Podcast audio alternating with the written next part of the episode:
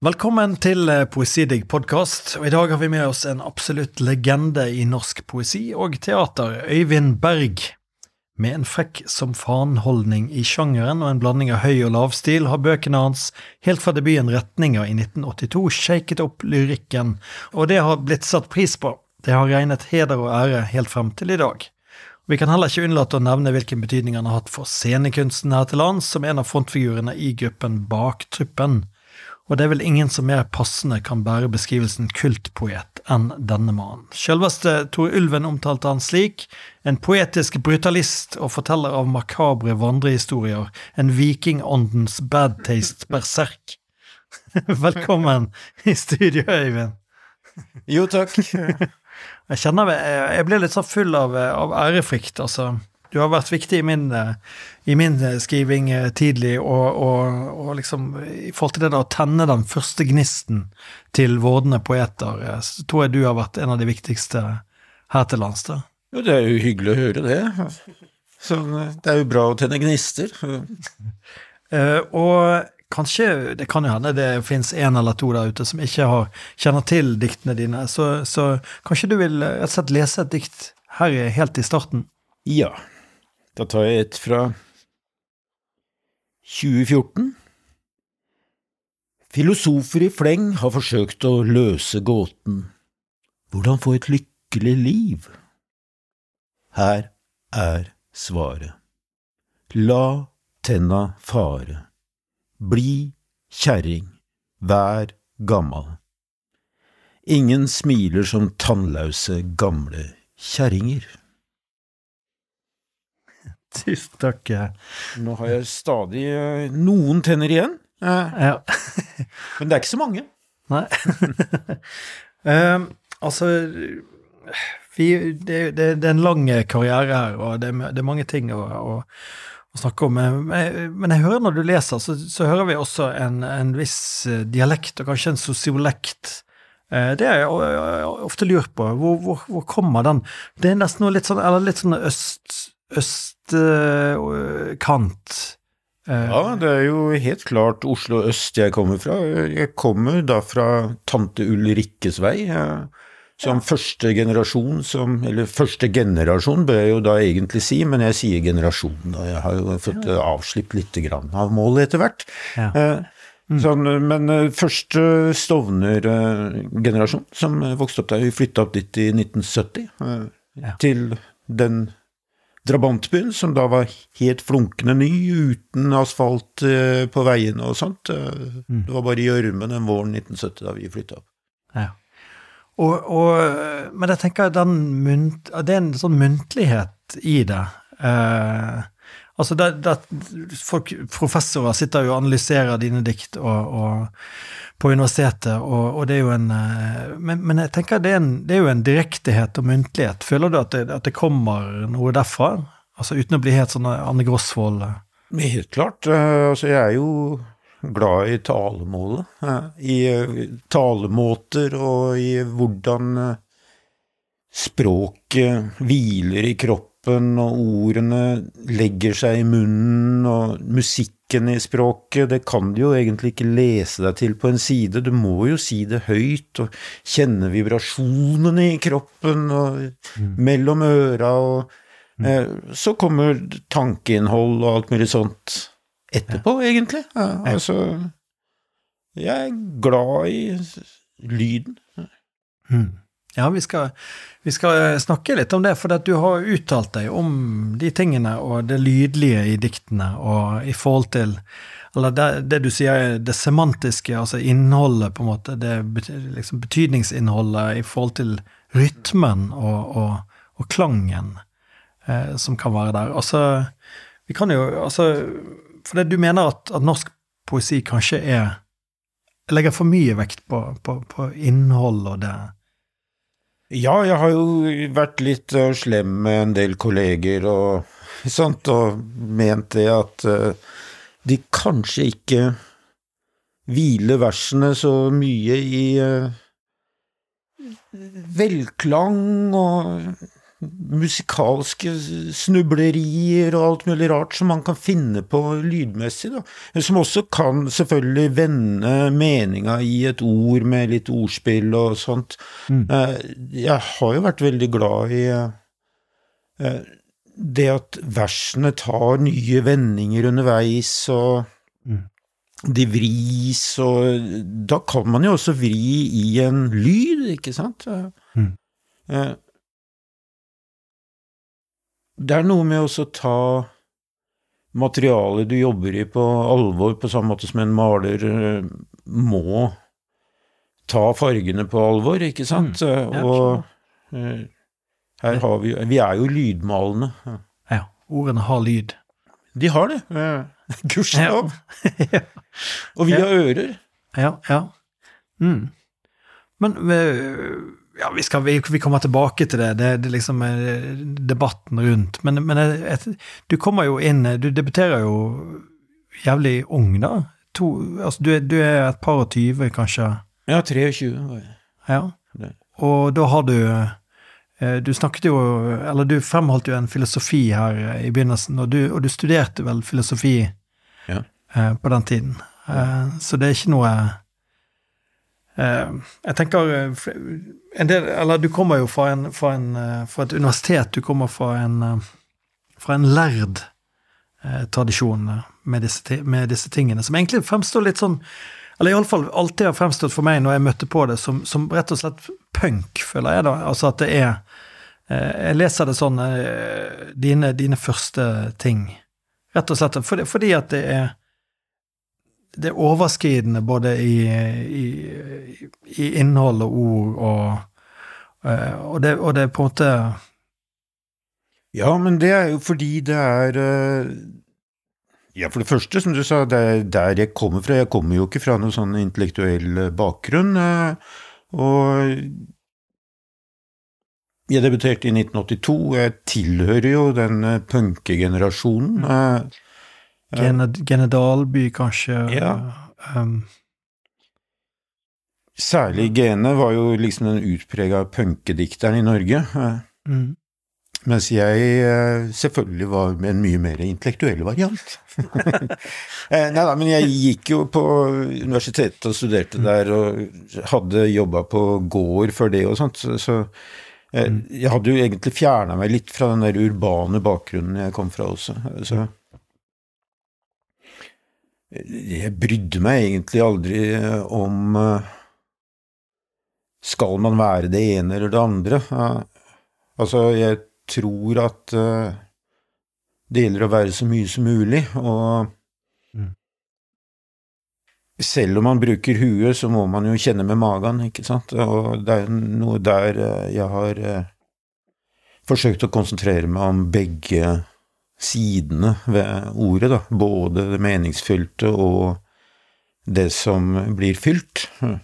Ja, ja nei, det det er vel, Jeg vet ikke akkurat uh, sitatene, men, uh, men det, det, er, mange som sier at det, liksom, det, er ingen som går høyere, og ingen som går lavere eh, i, i, sin diktning. Da. I, men, men hvor Hvis du tar oss litt inn i det, det 80-tallet der, hvordan, hvordan, ser det ut? Altså det, du har jo på en måte, det kommer en liten sånn mørk gjeng der, føler jeg, med Tor Ulven og, og Stig Seterbakken og Eh, men som alle på en måte bryter regler, syns jeg, eller liksom de, de, stormer litt. Det var jo en mørk tid, og det er ikke, eh, det er ikke uten grunn at uh, liksom No Future var uh, ja. Det store slagordet, ikke sant? Mm. Altså, det er jo den økonomiske nedgangstidene etter uh, tidenes opptur, andre verdenskrig, til litt ut på 70-tallet.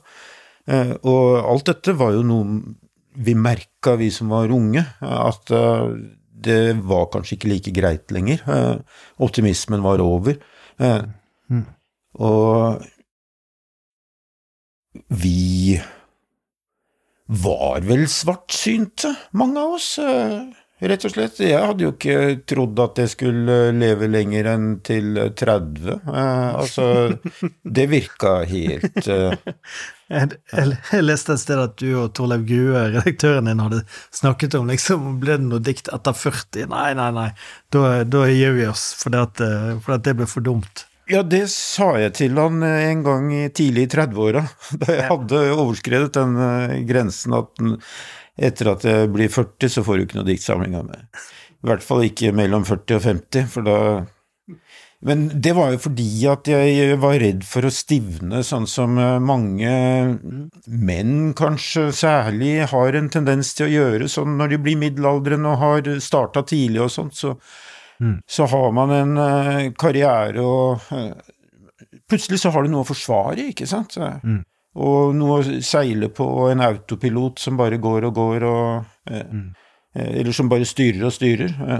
Så jeg var litt bekymra for å ende i et sånt uføre som det, så jeg mm. ga jo heller ikke ut noe diktsamling i de ti åra der. Jeg holdt på med alt mulig annet rart. Mellom 2000 og 2010 cirka, da. Ja. Men det var mye oversettelser, mye arbeid, da, men Eh, ja, mye oversettelser, en god del eh, arbeid med teater, med baktruppen, og så holdt jeg på å flikka på si med å lage skulpturer og eh, alt mulig rart. Musikkinstrument, horn som jeg drev og lagde, og alt mulig tull, egentlig. Men jeg hadde stor glede av det. Å skjære skulpturer i kleberstein og alt mulig rart. Mm.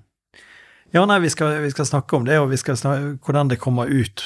En, en annen poesi etter 2010, da, eller litt, litt annerledes enn det du, du, begynner med. Men la oss nå høre, rett og slett eh, eh, Jeg spør jo ofte poeten her om å lese fra det aller første, da, rett og slett. Eh. Jeg tror jeg har det diktet her. Det er 'En mann kom inn i dusjen', ikke sant? Ja. En mann kom inn i, i dusjen. For det gjorde han nemlig. en mann kom inn i dusjen. Han lente seg forover tok tak i ræva og lot fingrene løpe. De kom ut med hver sin blomst. En annen mann som så dette, ville ha blomstene og prøvde fange fingrene, men de forsvant opp hans åpninger, én etter én. Og nå får han dem ikke ut, sier jeg, som så alt og som søker her etter luft under rasshølet. Vil du ha denne blomsten? Det er altså blomsterromantikken min i 1982. Ja. Men det er en fin Helt svartsynt er det jo ikke. Det kan Nei, du ikke påstå. Du er jo på tilbudssiden, da. Vil du ha den blomsten? Altså, ja, ja, det... En blomsterselger fra Stovner. men, men, altså, det, det er jo når, når, når, jeg møter din poesi, så, så, leser vi den opp på nachspiel. Altså, vi syns det er gøy. Altså, vi synes det, det er jævlig Altså, det, det, det, er så spennende at noen At det ser så annerledes ut, rett og slett, enn den poesien man leser i, på skolen, da, eller der man sitter og analyserer og, uh, og sånn. Men jeg tenker, altså Du Det som er, går igjen, da, syns jeg, en av mange ting som går igjen, det er at det er ganske mye underlivsmetaforer, uh, da, i 80-tallssamlingene dine, med, med mye vulgariteter. Eh, kan man si. Da. En, en, en metaforkrets som du har gått litt mer bort ifra nå. Men kan du fortelle hvordan du, hvordan du kom til denne eh, til denne motivkretsen, på en måte, og hvorfor du forlot den? For det første så var jeg jo en ung mann mm. eh, som var eh, nok litt eh, opptatt av eh, seksualitet og sånne ting. Så som man er. Der ligger jo underlivet permanent til stede i uh, det man tenker på. Mm.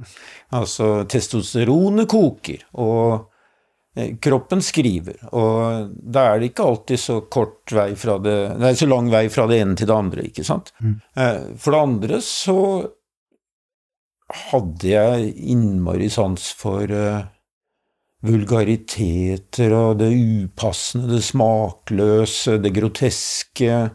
Eh, ja, det svarte også, men altså det som ikke passa inn, eh, den dårlige smaken, som sagt. Eh, alt det derre eh, mudderet Mm. som ikke hører hjemme i eh, dannet selskap, og Mm. som allikevel hadde relativt stor betydning i det miljøet, det sjiktet jeg kom fra, ikke sant? Det er sånn som man eh, Enten bare verbalt eh, Mm. eller eh, i forestillingsverdenen. Og så kommer i tillegg sånne innflytelser som Antonin Artaud og Mm. eh, Ja. som eh, Tidlige dadaister og surrealister. Ja, og Georges Bataille og Sol, rasshøl og sånt. eh, Altså Artaud har jo en eh, tekst om det. og Er det, men er det overskridelsen, da? Altså den, rett og slett at, at leseren får noe i trynet som man må reagere på? Ja. Er, er, Eh, Nå har jeg jo selvfølgelig eh, ikke sett eh, det nødvendig å fortsette akkurat i den leia eh, hele livet. Eh, nei. For eh, jeg skrev vel en eller annen gang i 29 eller noe sånt at alle rasshøl kommer innafra og ferdig med det. Mm.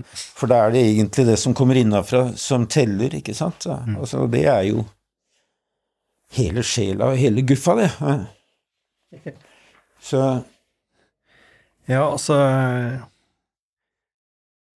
hva, Jeg vet ikke, nå ser jeg finner det der Ulven-sitatet der. Han, han, han går inn Altså, Tor Ulven skriver rett og slett en et, et, S, et, Nei, en anmeldelse, kanskje, av, av en av dine første bøker, 'Retning'? Nei, det er jo et essay om det jeg har skrevet fram til uh, 1986, er det vel? Ja. Non olet? Spørsmålstegn. Mhm. Um, og det er der jeg eh, leter fortvilt i mine, mine notater. Da. Jo, han skriver i denne mannens dikt finner man som kjent de verste obskuniteter og de groveste skjellsord, fremført i en kjekkersaktig tone som umiddelbart virker irriterende, og som i alle fall ville vært den inkarnerte platthet i en mindre intelligent dikters penn. Oi. Så, så jeg vet, vet ikke om man skal ta det som et kompliment, eller man må jo nesten ta det som et kompliment, for, på grunn av den avslutningen der. da. Eh, ja, og så skriver han jo videre at eh, Men er det ikke snarere det omvendte typen eh, poet Øyvind Berg er? Altså den der luftige, eh, reflekterte. Ja. Og Hvordan var det å få, få den type S Eller du, altså, du blir jo et navn tidlig, da. Eller gjennom 80-tallet så er jo du på en måte lagt merke til, og du blir lest uh, du, du kommer ganske godt inn i Ja, jeg fikk jo ikke så Jo, jeg, jeg ble vel lest, ja. Eh, Og fikk en eller annen slags posisjon. eh. Men eh, det essayet til Thor der var jo selvfølgelig Det var et essay Vagant. Mm. Det var jo banebrytende på sett og vis. Thor var jo også da en ung ja, ja. dikter i etableringsfasen, ikke sant? ja, ja, ja. Han var jo noen år eldre enn meg, da, men uh, han hadde jo færre år igjen. Mm.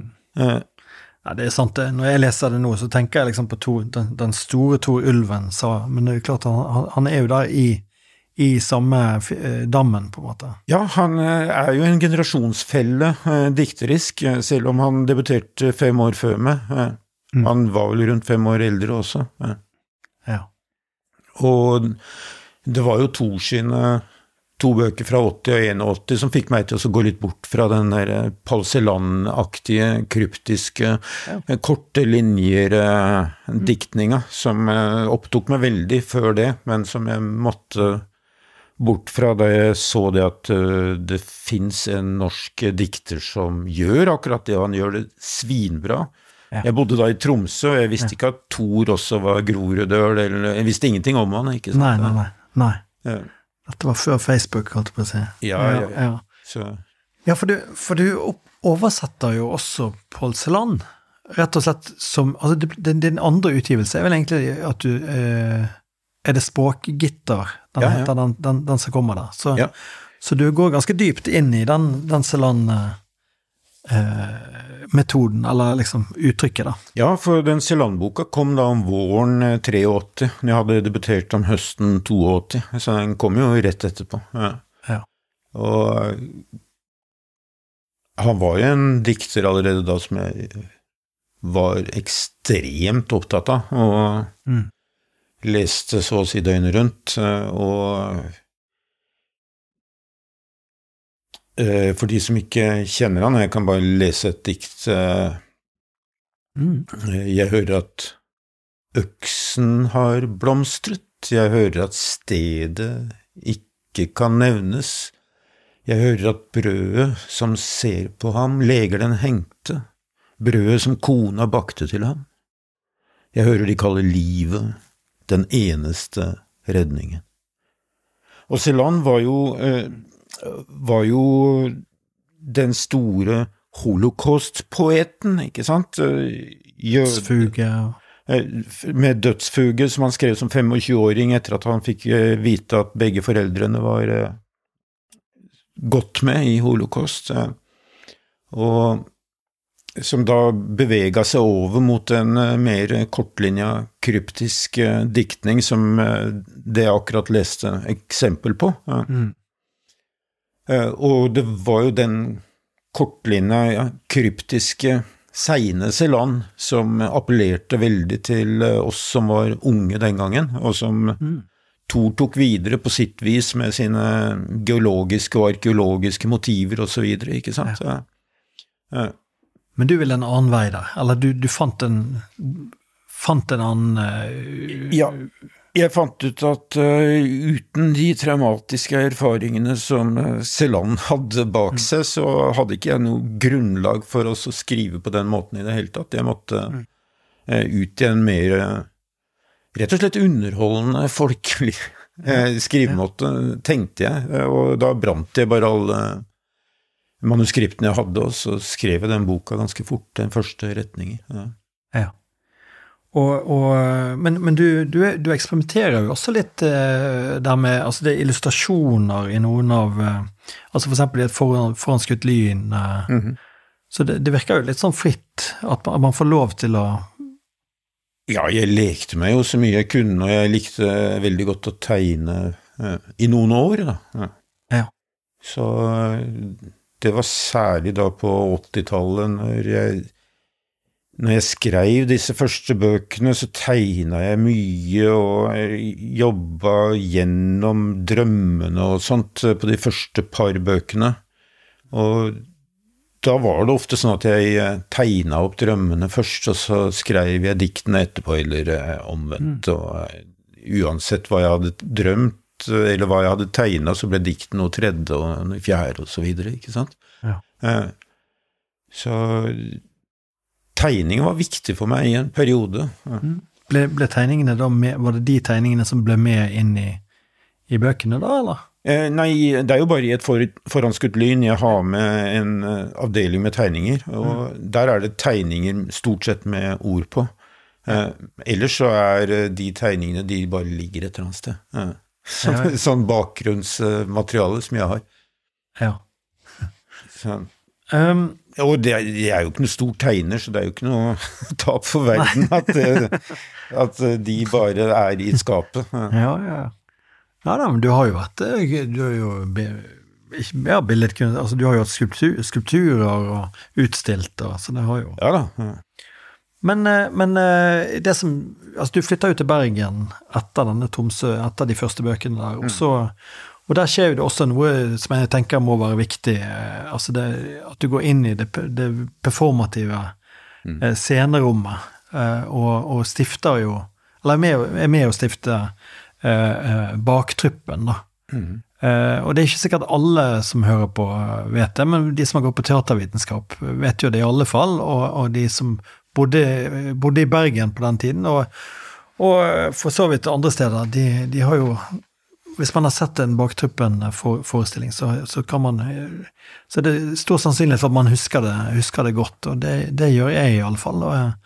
Fra, fra, fra noen av de, de Dette var jo altså, Det var vel Hva var det dere kalte det? Altså post... Altså avantgarde, den klassiske avantgarden gjort postmoderne Ja, altså i og med at vi kalte oss Baktruppen, så betyr det jo at vi kom etter avantgarden. Ja. Så det er jo en ironisk mm. navngiving. Og det betydde jo da at vi egentlig sto fritt til å gjøre hva vi ville, og så tok vi det derfra. Eh, men det er jo en slags eh, det som eh, Hans Tis Lehmann etterpå kalte postdramatisk teater, ikke sant? Mm. Hans Tis Lehmann, en tysk teaterviter som skrev en innflytelsesrik bok på slutten av 90-tallet om postdramatisk teater, som han kalte det. Og der er Baktruppen er den eneste nordiske som er nevnt der. Mm. Eh, for det er en internasjonal trend der Hans Thies Lehmann mente at uh, de dramatiske spenningskurvene osv. spilte ikke noen rolle lenger. Personer, persontegning var borte, osv.. Så videre, så sånn at du får et en type forestillinger som vi lagde, som var mye mer musikalsk bygd opp, og med det vi kalte den gangen, med et uttrykk fra Knut Ove Arntzen, vel, likestilt eh, dramaturgi, mm. som da betyr at eh, tekst, musikk, eh, bevegelse og alt mulig sånt skal stille likt. Mm. Og som i praksis betydde at vi starta på null, alle sammen. Vi starta ikke med en tekst, vi starta med å sette oss eh, rundt et bord eller på et scenegulv og prate hva skal vi finne på nå? Eh, så, ja, ja. og så kom det noen forslag, og så gjorde noen noe, og så noen gjorde noe annet. Og så, så bygde vi, lappa vi i hop noen forestillinger som ble ganske konseptuelle, mange, ikke sant? Og renspikka, der vi bare kunne gjøre akkurat det vi ville. Mm og gi faen i eh, teatrale konvensjoner om eh, personbygning og spenningskurv og Men eh, vi jobba jo først og fremst musikalsk, vil jeg si, i komposisjonssammenheng. Mm. Og du var, ganske, du var jo langt inne på te tekst også her. Altså, du var jo ja, ja. performer og sku, skuespiller, hvis man skal kalle det det, eller? Ja, etter hvert så De første forestillingene så var jeg bare på tekst og den aller første tekst og regi sammen med Tone Avenstrup, som jeg lagde eh, som Det var Tone og jeg som skapte Baktruppen, som eh, etablerte den først. da. Eh, mm. Vi var de to første. Men så fant vi ut etter to-tre år at vi kan jo ikke snakke om noe likestilt hvis vi ikke står likt. Mm. Så det må jo bety at alle skal på scenen, og det var egentlig pissredd for. Men, eh, for det er noe helt annet enn å stå og lese dikt.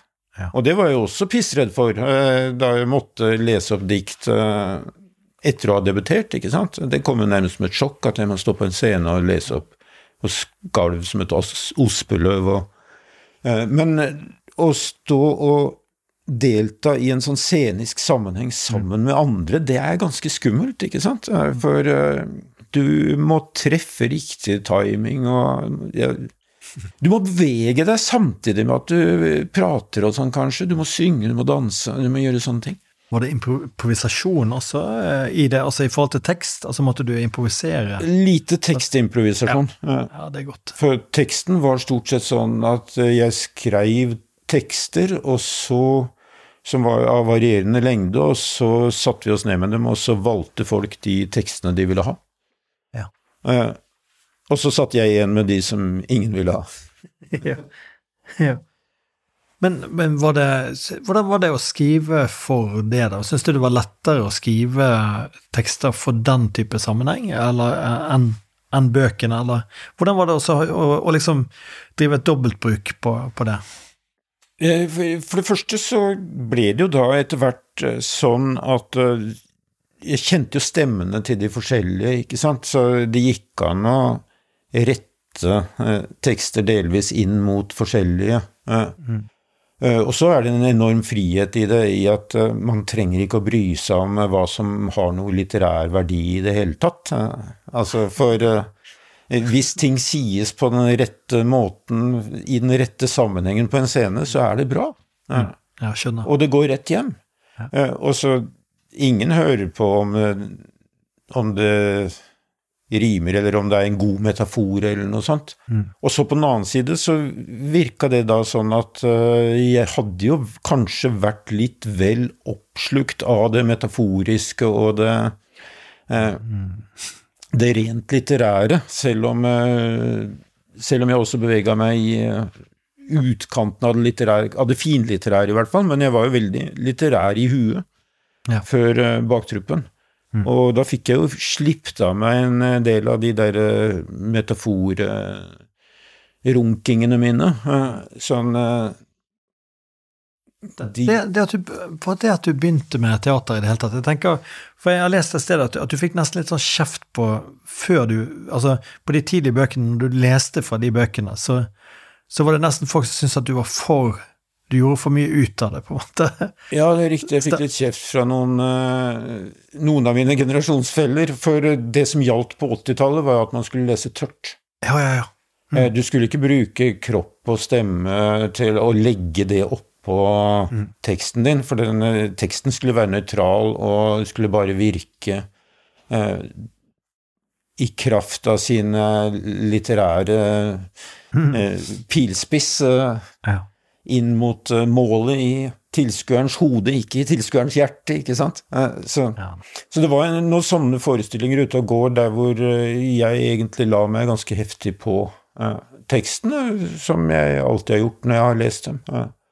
Og det var jo ikke noe stor forståelse for dette med baktruppen blant mine litterære generasjonsfeller. Den eneste som kom, var jo Tor Ulven. Ja. Og Tor kom når vi spilte i Oslo, så kom han. Mm. Og han gikk jo ikke mye ut, så det var vel så å si det eneste teateret han så. ja. Godt Så- å trekke, trekke ute og Ulven på Ja, ja. Og Så han var den som ville, mm. ville drøfte dette i ettertid. sånn, Ja. Så det var- han ville jo da, Hans siste bok er jo full Stein og speil er jo full av sånne små scener, ikke sant? Mm. Som eh, sånne tenkte små minidramaer. eh.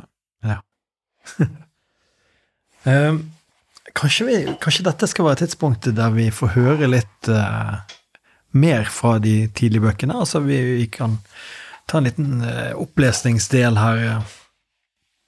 Ja, hva skal vi lese da? Ja, det, det er mye Det er mange favoritter, da. Vi sa noe om fyllesyke finner, gjorde vi ikke det?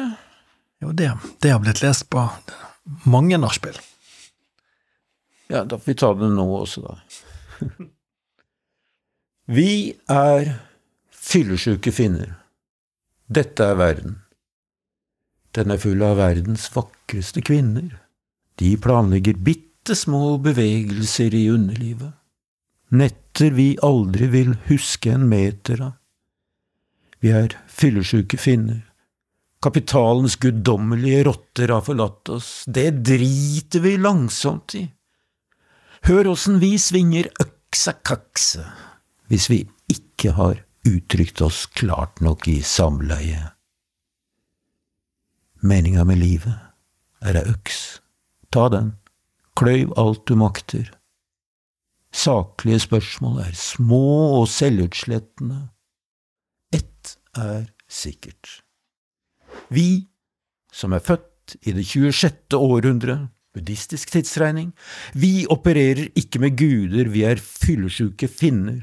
Vi jubler med en sjelden harmoni over ingenstedsrosen av enkeltgravfolk i ei massegravtid. Det er da fra 1993, så jeg må jo si eh, det er forklaringa på dette med massegravtid. Det er Bosnia-krigen som går gjennom den boka. Mm. Mm. eh, Posity heter den, eller Poesitid, ettersom eh, Mm. hvordan man vil uttale det. Mm. Så det er jo ikke så tidlig. 1993, altså. Det er jo faktisk elleve år etter debuten min. Ja, første halvdel, i alle fall. jo, ja, ja. Mm. Skal vi ta et eventyr fra bok to? Mm. Gjerne. Jeg ser ei svart jente med rosa hæler flykte. Jeg insisterer på renhet. Alle veit at jeg er et eventyr, at jeg rir i halvlyset og roter i skogen av svar. Alle veit at jeg er et eventyr, at jeg er den yngste av tre brødre, og at det faen ikke går godt med meg heller. Alle veit at jeg er et eventyr, og at jeg reiste ut tre ganger, tre veier, og at jomfrua heter Marcel Duchamp og har slått ut håret. Ja, Hvis du er i siget, så ta gjerne en til. Da kan vi ta en fra sluttdiktet fra 1986-boka. Det nihilistiske sluttdiktet. Ei natt slikker jeg huden din storøyd. Slik vil jeg dødføs. Ingenting tror jeg på.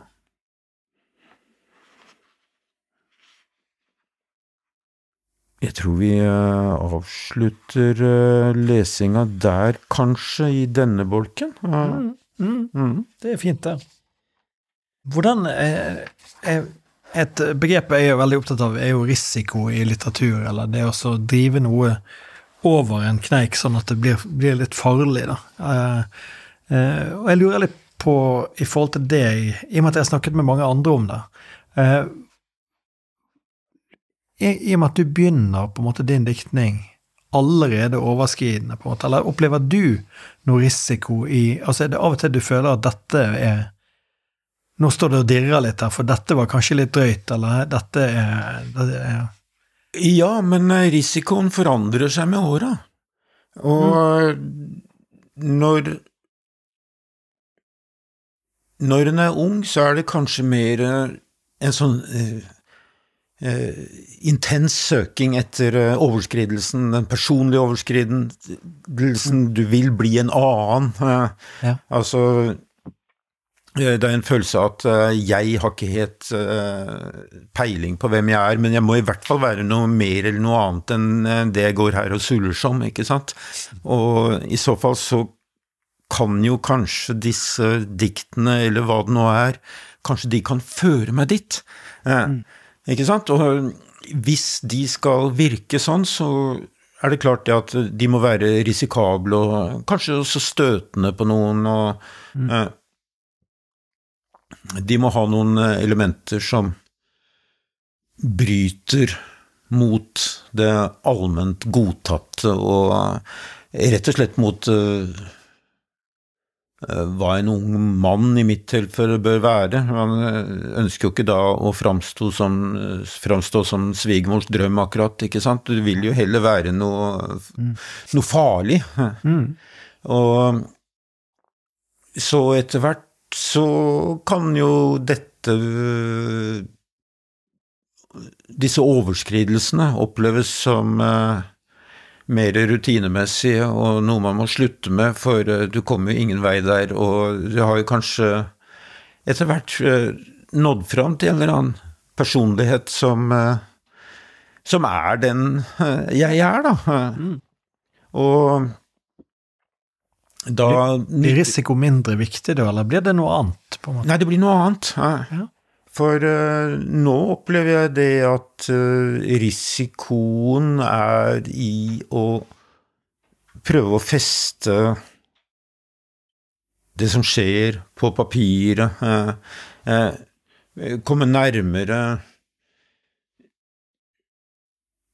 Som den siste boka som jeg har skrevet nå, så forsøker jeg også å gå så nærme på livet som mulig, men eh, du kan jo heller ikke gjøre det, for hvis du skal skrive hva som skjer en dag, eksempel, så, så må du jo skrive Selv i et relativt begivenhetsrikt liv, så må du skrive 1000 sider om dagen, ikke sant? Eh, Ja, du, du snakker nå om eh, sommeren med Balder, eh, som da kommer Kommer nå hvert øyeblikk, egentlig. Vi, vi skriver jo nå mars eh, 2023 når du hører på Ja. dette, og, og den kommer vel i april. Den kommer i slutten av april. eh, Ja.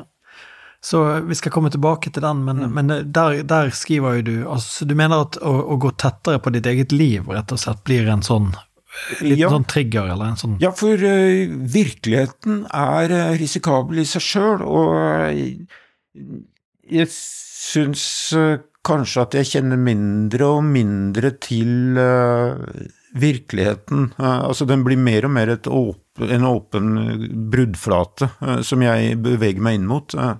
Mm. Og, og jeg føler at jeg blir mer og mer åpen, men samtidig så kan man jo da si at nei, altså jeg er ikke interessert i den seksuelle overskridelsen, jeg er ikke interessert i å, eh, å provosere noen politiske, eksempel.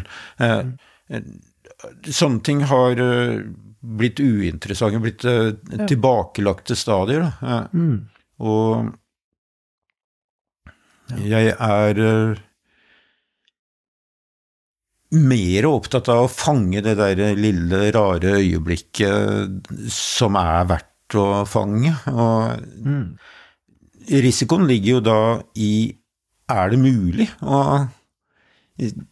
sette noe på prent eh, som egentlig bare gled forbi et øyeblikk eh, som eh, som gikk gjennom meg. Ja, ja.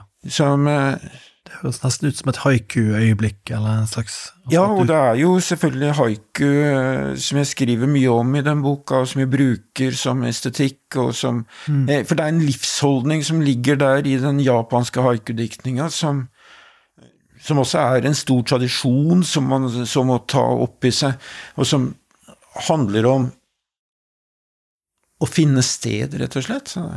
Ja. Nærværet. Ja. Som jo også henger sammen med Jeg alltid ville ha et nærvær i skriften, ikke sant?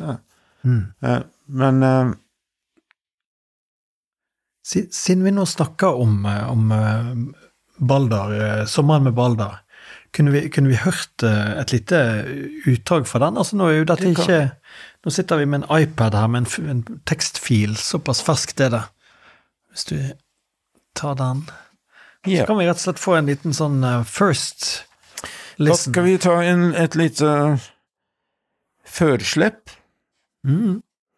Denne boka er da skrevet som en type dagboksdiktning, og nå er vi da på 18. mai 2022. Vi er litt nede i 18. mai. Religioner som kristendom og buddhisme hater denne verden. For de kristne er den djevelens verk, for buddhistene lidelse. Begge religionene preker at vi skal elske det vi hater, vi skal elske våre fiender. Humoren, derimot, får oss til å le av våre fiender, og enda mer av våre venner. Med humor kan vi le av Gud og jævler, og ikke minst av oss selv. Jeg våkner midt på vinteren og begriper ikke hvorfor jeg ikke ser hånda framfor meg, selv om jeg har tatt på meg briller. Det er svarte natta. På en bitte liten klode i det store, tomme rom bor det altfor mange mennesker som setter ting i brann. Og vi brenner skogen ned, og vi brenner maten opp, og vi brenner for den gode sak, og vi tenner på hverandre. Og kloden spinner døgnvill i det store, tomme rom, så mørket alltid folder seg rundt halvparten av jorda. På den annen side, en mann gikk forbi en lampebutikk der alle lampene var tent, og sa nå må det være stupmørkt et annet sted. Å le er å elske, men Hamlet og Otello elsker uten humor og blir sin egen tragedie. Buddha er ikke en vanlig dobørste. Jesus ikke noe dasspapir. Den som ler, lever. Livet er møkkete. Det kommer inn en veps mens jeg står og skriver. Jeg følger den inn på soverommet, åpner vinduet og vifter med armene, så vepsen flyr ut. Men jeg snur meg stadig vekk, for summinga fortsetter inni hodet. Jeg dusjer. Da dusjsåpa er tom, åpner jeg døra til dusjkabinettet og kaster den tomme plastflaska opp i vasken for å hive den i søpla etterpå, men flaska sklir elegant opp igjen og river ned brillene som ligger ved siden av vasken, gudskjelov uten å knuse dem. Men da jeg bøyer meg ned, naken og våt, og fomler meg fram til brillene jeg ikke får øye på, da ler Gud, som ganske sikkert ikke fins, og som derfor ler en desto stillere, mer rystende, ganske grusom latter. Vi er komiske dyr. Universet ler av seg selv gjennom oss. Derfor er livet så meningsfylt. Tusen takk. Det var veldig fint å høre. Veldig fint å høre, Øyvind. Det var en glede å lese den før den kom ut. Det er alltid en litt sånn løyen situasjon. Men det, før, det, du kalte jo dette en dagbokform. Eh, og det er jo ikke første gangen du har jo Altså, i, du hadde en bok eh, som het Gjennom mørketida, som var en mer tradisjonell diktbok, eh, kan man si. Der du også fulgte en sånn skriv en tekst hver dag. I tre måneder, ja. I tre, tre måneder, ja. Mm -hmm. ja. Derav tittelen. Um, Men du sier at de, de, er, de er, veldig ulike i på, på, på mange punkt likevel. Da. Altså du, at du har eh, Ja. Jeg, mørketida var, var, var, ikke noe dagbok eh. Overhodet ikke. Jeg syntes at uh, dagbokformen var fullstendig uaktuell og uinteressant for meg på den tida. Jeg ville skrive nye dikt og nye prosatekster hver dag, men det skulle være ting som ikke reflekterte så tett på uh, det som skjedde i livet mitt, selv om det jo er en god del av det også, men uh, det skulle liksom poetiseres ut over det. Uh, nå har jeg lagt meg ned i det dagboksaktige, og nå har jeg da, gjennom mørketida, foregikk jo i mørketida desember, januar, februar mm. i 2013-2014. Og nå har jeg da skrevet i tre måneder, fra 1. mai til 31. juli eh, 2022. Mm. Så da er det jo lyse netter og sommer, mm. og andre ting som foregår. Og boka speiler jo det. Speiler, den heter 'Sommeren med Balder', for det var den hunden vi hadde. Mm. Og det speiles jo mye at det er krig i Ukraina, og kona mi Dina har en krigsbarndom eh, fra Bosnia-krigen, eh, som da selvfølgelig kommer opp eh, stadig vekk i, i Rett og slett i kraft av det at det er krig igjen. Og mm. da rører man ved sånne ting som egentlig ikke er så veldig ålreit å røre med. Og så er det mye som skjer, da. Sånn, eh, ja, ja. Jeg er ute og løper en tur, eller uh, ser på blomstene i hagen, eller uh, Det er mye som skjer når du ser på blomstene i hagen. Plutselig så er det en uh, svart flue som står med rumpa i været midt oppi en blomst og gjør blomsten mye vakrere, sånne ting, ikke sant? Ja. Så er det, er det Altså din, din, vanlige skrivelse, dette høres ut som sånn ekstra, eller et, som et prosjekt. da, en, Å skrive hver dag, og, og, så skal dette bli en bok. da, Men, men eh, ellers, din, din, din vanlige Fins det en vanlig skriving òg, eller er det, er det, må du liksom sette deg for at du at, at Det fins en vanlig skriving òg, men uh, nå har jeg Nå gjorde jeg det som en sånn disiplin. Uh, mm. At jeg skulle formulere noe hver dag, og, hver dag, og det skulle helst bli eh, si eh, to manussider eh, om dagen. Eh, ja. Som eh,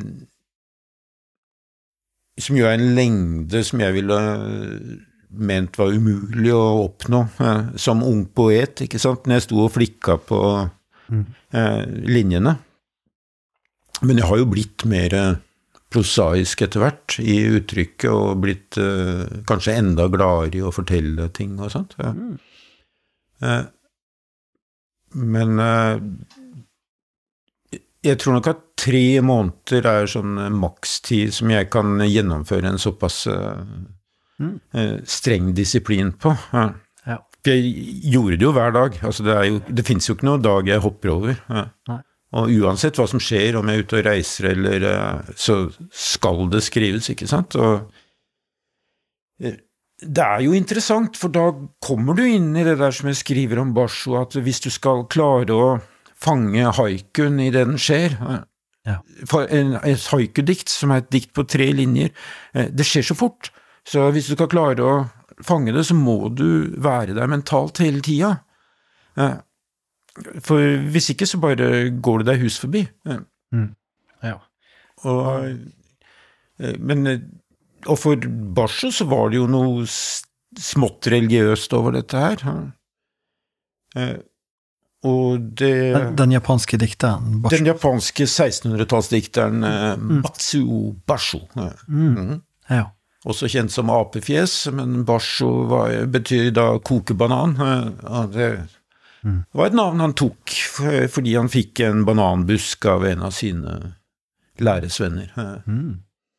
som han planta utafor hytta si, og han likte så godt å høre den eh, eh, disse bananbladene som slo og ble revet opp og sånt i vinden. Ja. Hvis man vil høre Øyvind eh, fortelle om, om zen- zen-buddhisme og zen- zen-poeter, så, så er jo også Sommeren med Balder er noe å sjekke ut. Ja, det er mye av den typen eh, tankegang eh, som jeg går gjennom der. Ja. Mm. Du, eh, en ting som vi må, må ta opp. altså Ingen, ingen kommer unna politikken. Eh, den, den Jeg syns jo den ligger helt på ditt forfatterskap fra første stund, egentlig, da. Det er vanskelig å lese forfatterskapet.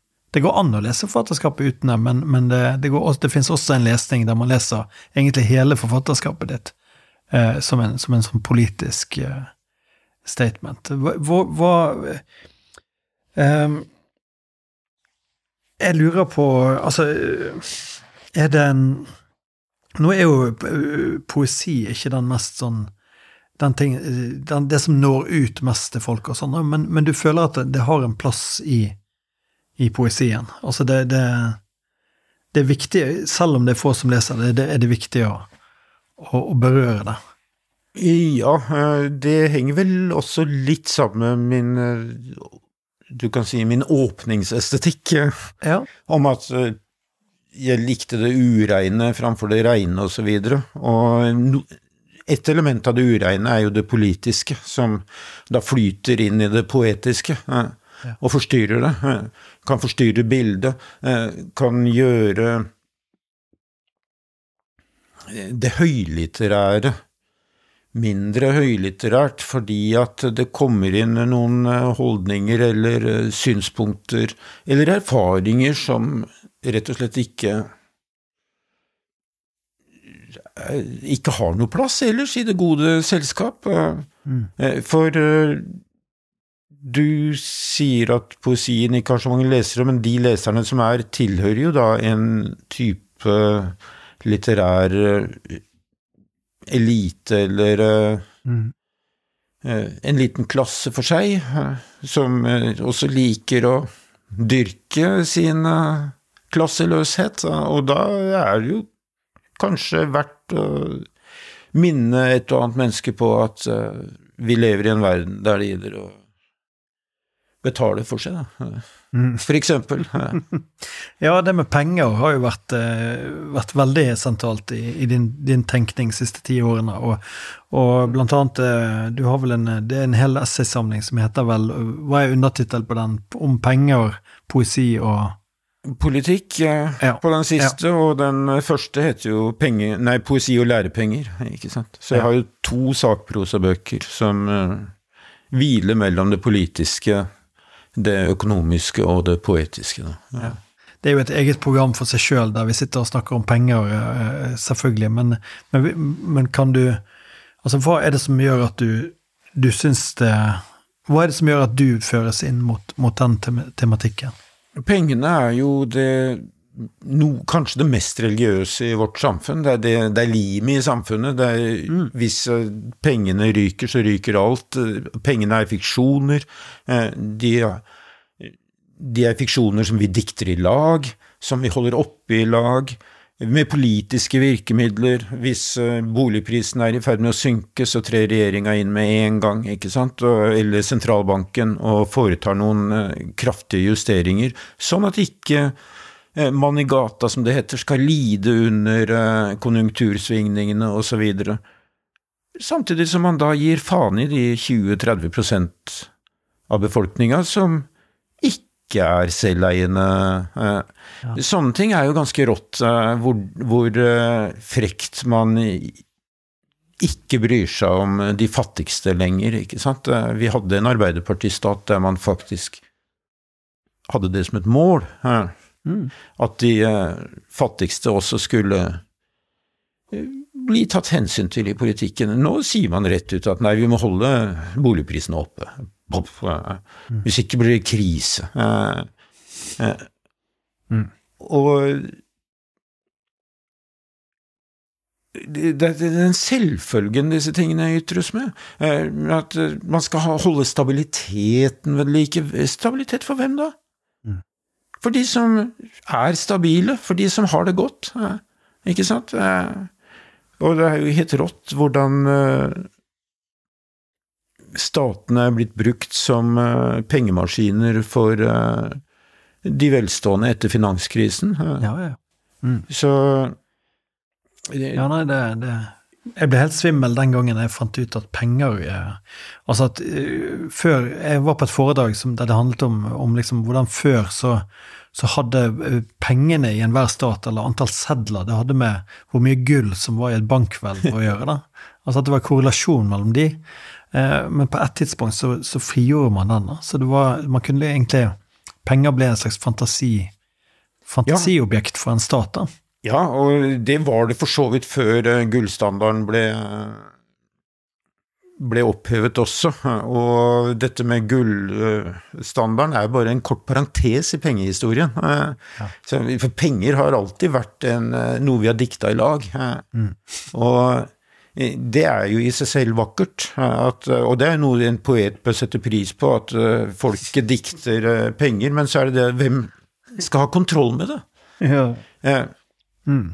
og det er der eh, disse teknokratene som sitter i sentralbanken og sånt, eh, kanskje tar seg litt eh, vel mye til rette på bekostning av de som ikke har så stor innflytelse. Og sånne ting er jo selvfølgelig dønn politisk. Det er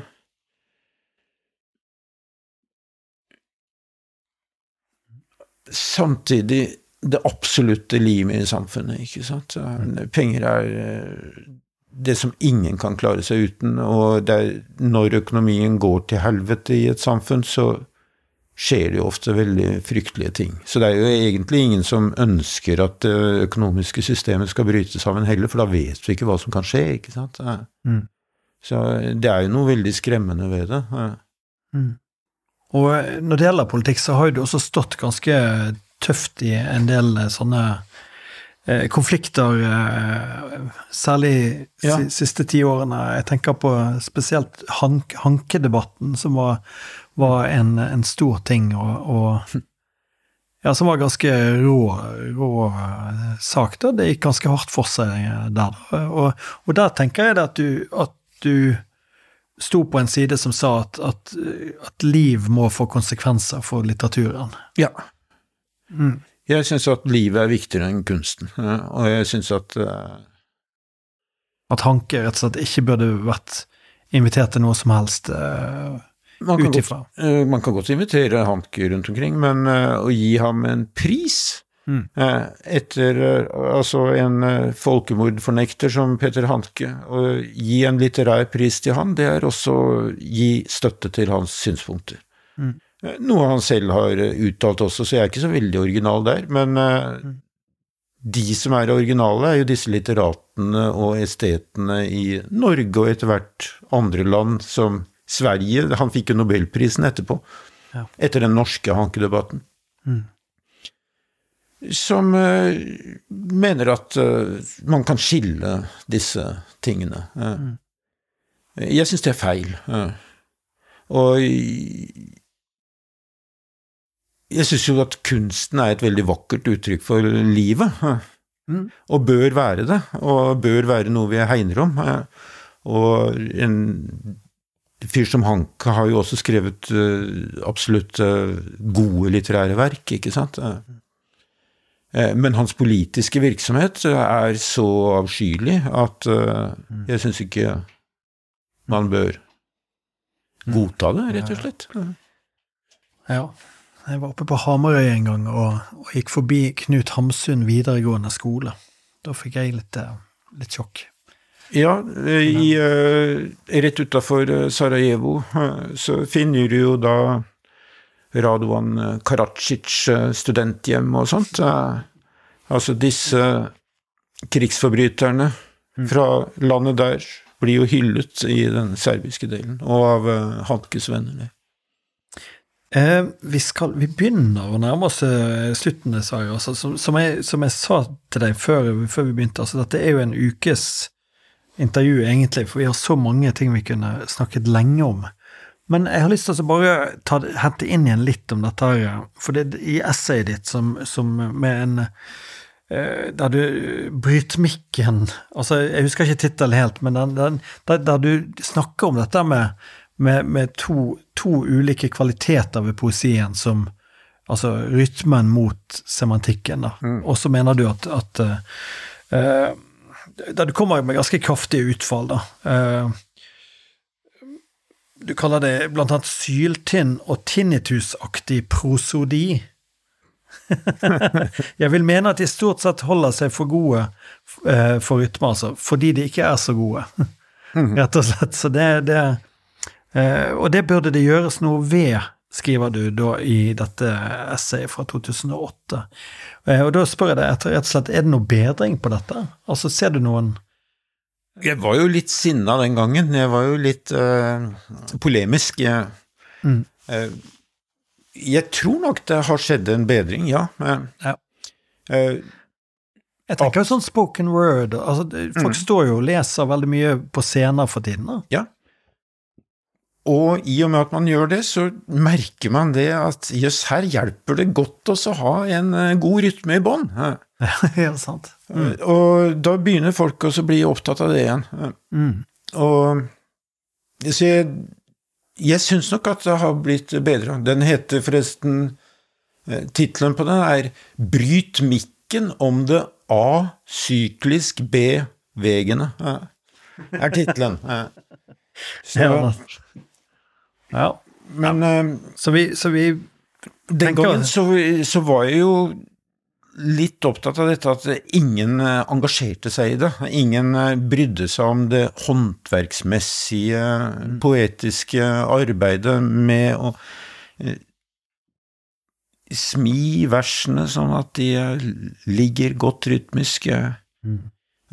Ja, jeg føler meg, føler meg litt truffet uh, sjøl, altså, og, og, på en god måte. Altså. Jeg, jeg tenker at vi, jeg er nok en del av, uh, den, av poesien som, som virkelig ikke tenker på det rytmiske i det hele tatt. Altså mm. den klang og, og, og, den type ting. Og det, så, så uh, ja, For da er det jo det visuelle som uh, får uh, overhånd, ikke sant? Og det visuelle er jo mer tilstivnende og mm.